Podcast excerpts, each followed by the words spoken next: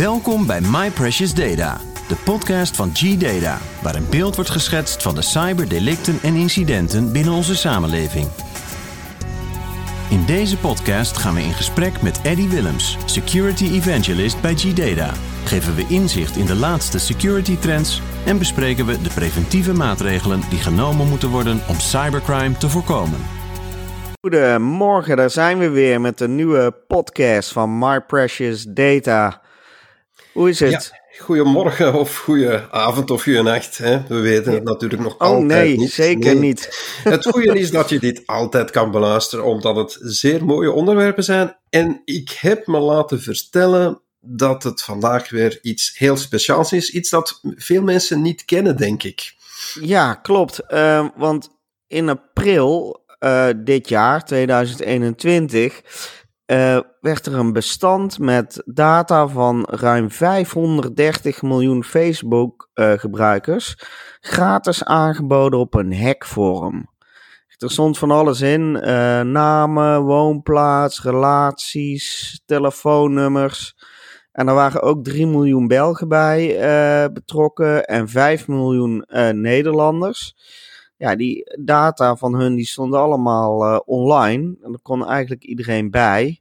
Ja, En een paar dagen later werd er ook eh, gegevens van LinkedIn gevonden. Eh Eddie, wat Ja, is hier nog. gebeurd? ja zelfs, zelfs nog meer hè, van LinkedIn. Ja, Wel, ja, uit analyse van beide incidenten denk ik bleek dat de hackers niet echt eh, de servers van die ja, sociale media platformen gekraakt hebben. Eh, ze deden het op een andere manier deze keer. Ze maakten gebruik van een heel handige truc en die noemt men data scraping.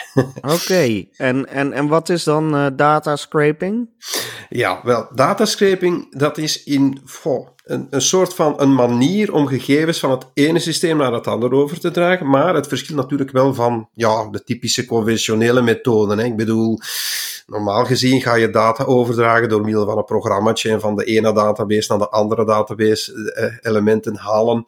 Het verschil zit hem een beetje in de output. Ehm, de gescrapte data dient in feite meer als, als invoer voor een ander computerprogramma, niet voor ehm, eh, een ander computerprogramma, want dat doet men Nee. normalerwijze, maar zijn meer bedoeld voor de eindgebruiker. Oké. Dus hoe zal ik het zeggen? Datascraping is daarom een soort van grove techniek die alleen zal worden gebruikt als er geen andere manier is om de gegevens uit een systeem te halen. Ja, Zoals bijvoorbeeld een besturingssysteem dat niet compatibel meer is. Hè? ja. En het, dat gebeurt natuurlijk wel via moderne hardware of, of, of eh, zeer moderne software soms ook. Ehm, dus de output is dan ook heel vaak heel ongestructureerd, vandaar ook hè, grove techniek. Eh, omdat zaken als opmaken en, en al die dingen, ja, dat wordt allemaal zo, zo ja, het, wordt precies zoals een kopie als het ware erover ge- gehaald, zie je. En, en, en dat geeft het, eh, die onzorgvuldige ehm, ja, gegevensoverzicht, zal ik maar zeggen. En ehm, het is wel gek, want soms van die programma's die, die, die dan gebruikt worden, die crashen ook eh, vaak zelfs tijdens het scrapen van die gegevens. Het is dus Ja. niet zo'n evidente manier. Nou, ik heb wel ooit gehoord van eh screen scraping, maar nooit van Mhm. data scraping. Maar wa- wat is eh, dan het eh, verschil? Is het hetzelfde? Of? Wel, het, het, het, het hoort er een beetje bij. Hè? Screen scraping is in feite een vorm van datascraping. Hè? Oké. Eh, bij screen scraping wordt dan een, ook een tool gebruikt. ehm, en die tool die gaat dan een gebruiker simuleren. En daardoor gaat hij als het ware precies zich voordoen als een gebruiker en kan hij daardoor eh, met die interface eh, reageren. Meestal is dat dus van een webinterface of een, of een ander ja, programma. En eh, doordat hij dat doet, krijgt hij goh, die gegevens dan in feite zo te zien. In feite kun je het vergelijken met het, het digitaliseren van boeken. Gewoon weg het, Ja. het kopiëren als het ware. Hè. Dus als jij nou bijvoorbeeld je, hè, mijn boek gaat kopiëren in een, eh, in een kopieerswinkel. wat tegenwoordig, ik vraag me of dat nog bestaat. Um, um, wel ja, hè, dus uh, tegenwoordig moet nog uitleggen wat kopiëren is, denk ik. Maar je, je, gaat dus inderdaad die boeken kopiëren en dan komt daar blad voor blad uit. Zo ja. kan je dat screenscraping bekijken, in feite. Ja, ja precies. Uh, en uh, zijn er nog andere varianten? Ik heb het daarnet al een beetje gezegd. Ja. Dus naast die screen scraping is er ook nog web scraping. Dus ja. dat is dan meer ja, de input naar een, een, een soort van webinterface dan. Hè. Dat wordt dan gebruikt om gegevens van webpagina's uh, te achterhalen en, en te kopiëren. Het principe is ongeveer hetzelfde. Hè. Je hebt dus dan ook weer een scraping tool nodig om dan die webpagina te laten geloven dat je dan in dit geval een webbeheerder bent die de pagina gaat aanpassen bijvoorbeeld. Dan heb je ook meer mogelijkheden als, als webbeheerder en kan je ook meer van die gegevens uh, kopiëren of binnenhalen of, of ver, versluizen naar andere gebieden. Um, ja. De meeste websites hebben echter tegenwoordig ingebouwde beveiligingsalgoritmen om zo'n tool zelfs te detecteren en hem Ja. dan ook de toegang te ontzeggen. Dus die grootschalige scrape-incidenten, zoals we die dan gezien hebben bij Facebook en LinkedIn, zijn in feite heel zeldzaam hoor. Ja. Ja, ja, ja. Want uh, dan is data scraping uh, super illegaal, zou je zeggen. Goh, datascraping is op zichzelf niet illegaal. Oh, um, nee, okay. uiteindelijk het hangt er een beetje vanaf. Um, er zijn zelfs cloud providers zoals Amazon die uh, echt webscraping tools zelfs aanbieden in de vorm van gratis apps en dergelijke. Er zijn ook uh, bepaalde andere tools die je kan vinden ook op, op het internet. Um, uh, maar of dat het nu illegaal is of niet, dat hangt er een beetje vanaf. Uh, soms staat erbij dat het natuurlijk dat die data ja, onder copyright zitten. En ja, dan Ja. als daar een copyright op rust, ja, dan mag je die niet nou zomaar gaan kopiëren natuurlijk. Nee, nee, nee. Dus uh, daar moet je naar kijken. Um, dus um, als je dus zoiets zou willen gebruiken, moet je eerst eens kijken of dat die data wel vrij te gebruiken is of niet. Dus Ja. dat is een beetje zoals met, met alles. Ja, precies. Maar, maar als het niet illegaal is, waar, waarom is het dan zo gevaarlijk? Wel, zoals bij elk computerprogramma wordt het scrapen van gegevens pas gevaarlijk als de tools in verkeerde handen vallen. Hè. Um, Oké. Zoals natuurlijk bij Facebook uh, of bij LinkedIn. Daar maakte de ge... Nou, moet ik wel zeggen, bij Facebook uh, maakt men gebruik van goh, eerder een kwetsbaarheid uh, in, in, het, in het ding zelf, in de, de webinterface. Dus uh, um, die ze dan vervolgens zelf transformeerden in een soort van data scraping tool-achtig element. Um, dus daar was er wel een beetje hacking bij betrokken. Maar al met al was de aanval toch weinig technisch hoor. Uh, het stomme vind ik wel, is dat um, Facebook zeer goed op de hoogte gebracht is uh, door een Belgische hacker een paar jaar Oh. ervoor. Ja. Uh, die, had dit, die had dit al gezien um, en, die, en ja, die heeft daar dan iets naar gestuurd en om, om dat gevraagd om dat op te lossen. Maar blijkbaar vond Facebook dat niet voldoende. Hè. Nee. Natuurlijk. Um, als je daar naar, naar het, Facebook-geval bekijkt, bij Facebook is het natuurlijk wel een vrij serieus lek, want ja, daar bevatten de database wel persoonlijke gegevens, zoals bijvoorbeeld, en dat vind ik toch echt wel belangrijk, telefoonnummers Ja. en e-mailadressen. Nu, e-mailadressen, nou ja, je kan altijd nog wel je e-mailadres aanpassen. Maar telefoonnummers, nou ja, ik, zie, niet. ik zie niet zoveel mensen die hun uh, telefoonnummer uh, zomaar eens aanpassen. Dus als die natuurlijk in uh, slechte handen vallen, zoals waarschijnlijk wel zal gebeurd zijn ondertussen, um, ja, als die dan die gegevens in handen krijgen, kan, kunnen ze natuurlijk die gebruiken voor phishing-campagnes en andere fraudecampagnes. Dus het is waar dat dataschreef uh, data scraping, goh, het is een moeilijk woord zeg, een stuk minder ingrijpend is dan het hacken van iemands Ja. account, dat wel. Maar je kan, het kan wel zeer perfect gebruikt worden voor, ja, voor grote uh, phishing aanvallen of vooral gerichte phishing aanvallen. Um, bij het LinkedIn uh, scrape data was het minder opdringerig en was er minder interessante data. Daar had je niet die uh, telefoonnummers en dergelijke. Maar ja, in ieder geval, we weten dat elk soort data natuurlijk interessant is voor de cybercrimineel op de hacker. Hè. Dus uh, op dat gebied. Dus het gevaar uh, is dan vooral het feit dat data scrapen een beetje de deur kan openen voor spearphishing aanvallen hackers die dat dan kunnen gebruiken voor andere projecten of andere elementen die dat ze dan in de toekomst gaan verwezenlijken. Dus um, ja, uh, in, feite, uh, in wezen alles wat een hacker nodig zou kunnen hebben om zijn boodschap aannemelijk te maken, dat hebben ze nu in handen. En, en ja, en dat geeft natuurlijk het grotere probleem weer van dit soort hackings. Hè. Ja, want, want zijn het nou alleen cybercriminelen die gebruik maken van uh, scrapers? Wel, nee. Uh, van, want het, het, er zijn heel diverse actoren hè, die gebruik daarvan maken. Um, waaronder bots. Er zijn ook soort van ja. webscraper bots. Um, je hebt precies. ook grotere bedrijven die dit soort tools gebruiken. Je hebt start-ups. Natuurlijk, je hebt natuurlijk de cybercriminelen en hackers en spammers. Um, uh, die dan ja, moeiteloos alle stukjes inhoud trachten te stelen, waardoor ze, waarvoor ze dan geprogrammeerd zijn, of waardoor de, die men dan in feite later kan gebruiken. Hè. Ja. Nu, vaak boten ze daar dus dat normale gebruikersgedrag na, zodanig dat ze makkelijk aan die uh, gegevens kunnen geraken. Hè. Ja. Maar het is echt wel een allegaartje. Hè. Dus het is, zeker omdat het niet strikt genomen niet illegaal is, Nee. Uh, ja, mag het gebruikt worden omdat het in feite gegevens zijn dat je bijna je aan kunt. Is zoals je op mijn LinkedIn-account zou gaan kijken en je, bent, je hebt een connectie met mij. En je ziet bijvoorbeeld ook uh, iemand anders zijn gegevens daar staan, want dat ja. kan je zo zetten. Hè. Dat mag je dan overnemen. En, ja, en dan kan je die gerust, uh, ik zal maar zeggen, weg, wegschrijven of opschrijven en gebruiken voor jouw communicatie. Zie je, dat, strikt genomen is dat niet illegaal. Ja, ja want, want, want stel dat ik nu een uh, website heb of een webshop en daar wordt de data van gescreept. Zijn er nog bepaalde gevolgen? Heeft dat nou impact op mijn website dan?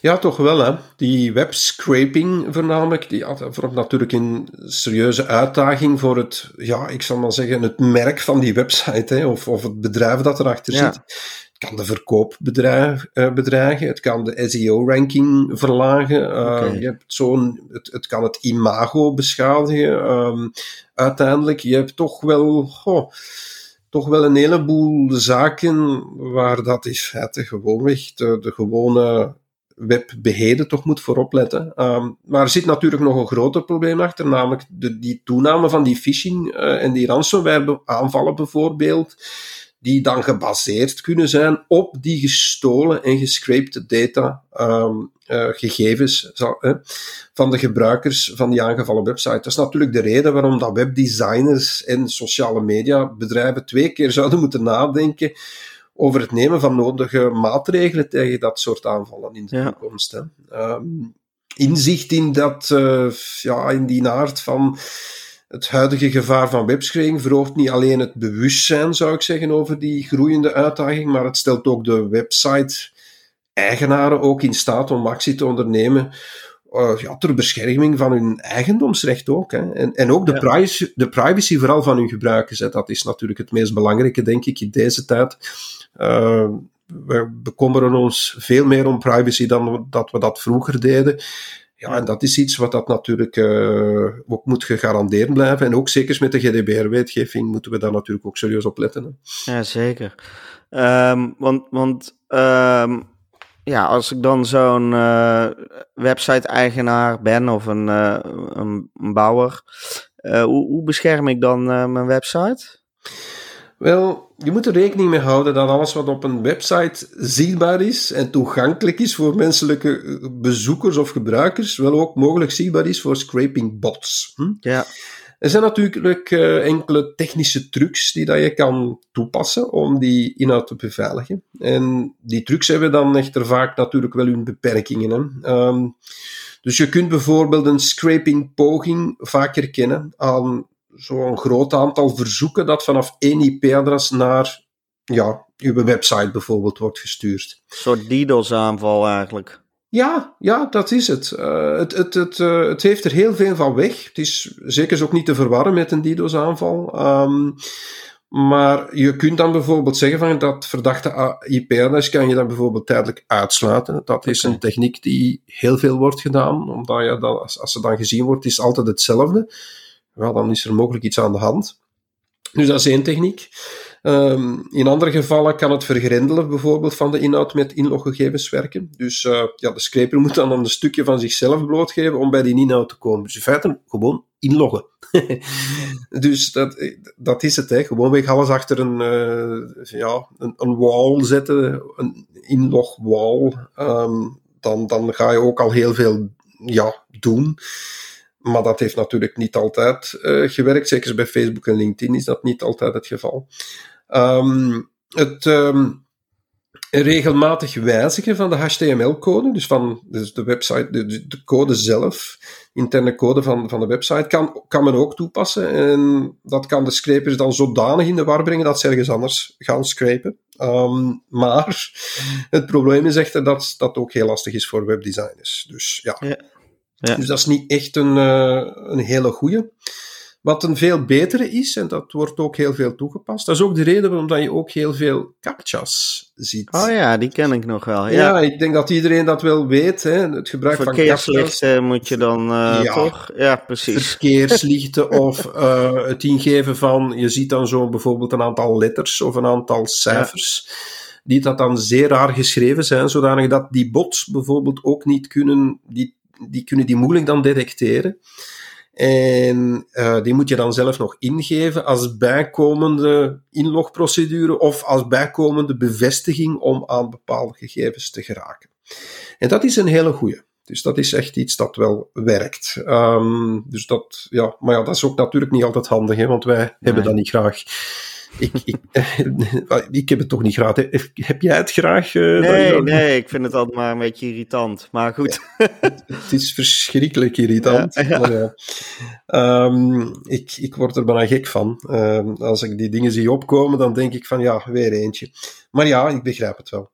Um, en dan natuurlijk ook een e-, eentje dat soms wel helemaal vergeten wordt, uh, is dat je het gewoon ook moet afficheren uh, op je website. Je moet het tonen op je website. Je moet het, hè, dus bedrijven moeten, ik zal maar zeggen, juridische stappen kunnen ondernemen tegen die dataschrijvers, uh, scrapers. Oh, man, ik heb echt last met dat woord en hen waarschuwen voor dat proces. Met andere woorden, je zou kunnen zeggen van kijk, je mag hier geen data scraping toepassen. Nee, dus een beetje precies. dreigen met een, uh, een, een, rechtszaak. En je kan dat opnemen bijvoorbeeld in de servicevoorwaarden op de website. Ja, um, en dat kan wel wat afschrikken hoor. Dat zijn zo van die zaken. Het, het, het wordt soms vergeten, maar je zou het gewoon weer moeten zetten. Je zou het altijd moeten erop zetten, denk ik, zodanig ben je al zeker van, van het, het gerechterlijk stukje als dat ooit naar boven komt. En kan je dat zeker eh, gebruiken in de toekomst. Dus ik denk dat dat zeker een hele goede is. Uh, maar het is natuurlijk lastig, hè. Dus um, ja, het, uh, ja, het, het, is ook iets dat veel minder bekend is bij de mensen. Maar ik denk nu dat men dat de mensen wel wat meer zullen weten als we van die captcha's en alles zien, dat dat, dat onder andere de reden ja. is waarom dat het er uh, is. Hè? Ja. ja. Ja, goed. Dat uh, geeft wel een goed overzicht in ieder geval wat het is. Uh, verwacht jij dat het in de toekomst, dat datascraping uh, nog meer zal toenemen? Dat is een hele lastige. Um, goh, um, ik, ik denk wel dat het zal toenemen. Um, zowel legaal als illegaal. Hè ik, ik, ik denk dat het nog altijd een markt is die dat, er gebruikt, die dat gebruikt kan worden door bepaalde bedrijven om bepaalde digitale informatie te verkrijgen. En oh, ik zeg maar iets om bijvoorbeeld analyses mee te maken of, of hun omzet misschien mee te verhogen doordat ze dan die analyses hebben. Um, tja, er, er, zijn zoveel websites waar het begrip zelf nog niet voldoende bekend is, bijvoorbeeld. En net daar, volgens mij, kan het gevaarlijk worden, vooral voor ons. Hè. Um, ja. het is, het, ik, ik heb de indruk dat het iets minder goh, lastiger is voor de website zelf. Alhoewel, natuurlijk, ja. ik denk niet dat Facebook en LinkedIn het weer al graag hadden dat ze er uitgebreid in de pers mee gekomen zijn. Dus op dat gebied Nee, is dat, het zeker eh, niet het geval. Eh, Facebook was toch wel een veel erger geval natuurlijk. Eh, zeker met die telefoonnummers erbij. Dat, eh, Ja. ja. dat is een, een- iets wat dat we toch niet zoveel zien. En ehm, ja, dat is iets wat eh, zeker kan, serieus kan misbruikt worden. Ehm, dat in combinatie natuurlijk met e-mailadressen, nou ja, dat, dat geeft toch wel wat extra mogelijkheden. Uh, maar voor de gewone man in de straat, denk ik, die zijn gegevens achterlaat met het volle vertrouwen in die website, ja, dat is het ergste. Hè? Um, Ja. en, en daar kan je heel moeilijk al iets aan doen. Hè? Ik, ik denk dat daar een beetje het probleem zit. Um, het probleem, als ik het zo nuchter bekijk, dan denk ik dat we gewoonweg te veel gegevens op te veel websites achterlaten. Ja, ja Ehm, mensen denken er ook niet altijd eh, even bij na, denk ik. Ze laten dat gewoon achter en dan realiseren ze niet dat ja, dit kan gebeuren natuurlijk. En dat, Ja. eh, Bijvoorbeeld, of je zou kunnen vragen van als je, stel dat je zegt van ja, ik heb iets, ik heb het gedaan om iets te bestellen of zoiets, nou ja, dan uh, kan je misschien vragen om het erachter te verwijderen, want Ja. tegenwoordig heb je dat recht natuurlijk met GDPR, dat is wel een van de voordelen. Um, maar toch, ik denk dat we daar allemaal toch te lichtzinnig mee omgaan. Um, waarom? Als je naar een website gaat en men vraagt al die gegevens, of, of men vraagt gegevens, ik zou me dan toch eens twee keer afvragen van, heb ik die website ten eerste wel degelijk wel nodig? Kan ik diezelfde gegevens niet ergens anders uh, vinden? Um, moet ik mijn gegevens hier allemaal achterlaten? Of kan ik misschien gewoon, ja, laten we zeggen, heel weinig gegevens achterlaten? Ja, oké, je naam en, en je e-mailadres, dat tot daar nog aan toe misschien, maar meer, dat vind ik niet altijd relevant. Waarom moet men mij altijd mijn, mijn geboortedatum bijvoorbeeld weten? Ja, dat is, ja ook dat. Zeg maar iets. Ja. ja. Dus en ik, ik vind dat we daar te veel op ingaan. Mensen laten te veel, eh, krijgen dan gewoon weg, ja, ik weet niet wat invulvelden. En vullen dat allemaal in. Nou, ik doe Ja. dat niet. Hè. Ik, ik, ik, als daar een sterretje bij staat, het is een essentieel gegeven, ja, dan kan je niet anders. Maar anders, ik zou het niet doen. Uh, Nee. ik, en ik, zou, ik, ik denk dat de toekomst ligt in het feit dat we daar veel meer moeten over nadenken en niet zomaar roekeloos altijd onze gegevens achterlaten. Ik Nee. denk dat dat het meest belangrijk is. Dat ik, Of bij dat heel veel hier- dingen natuurlijk. Ja, dat, dat, Eigenlijk hebben we daar bij iedere podcast over dat gewoon draait weer om bewustwording en, en, en, en het voorlichten van mensen. is het ook. Ja. Ja. Dat is het ook. Het is ook weer die bewustwording. We, ja, we slagen de, de, er iedereen altijd mee rondom de oren, maar het probleem is dat we dat moeten doen omdat mensen vergeten. En, en mensen vergeten echt wel heel vlug. En eh, je bent het echt om de zes maanden ben je het gewoon kwijt als je niet aan wordt herinnerd. Ja.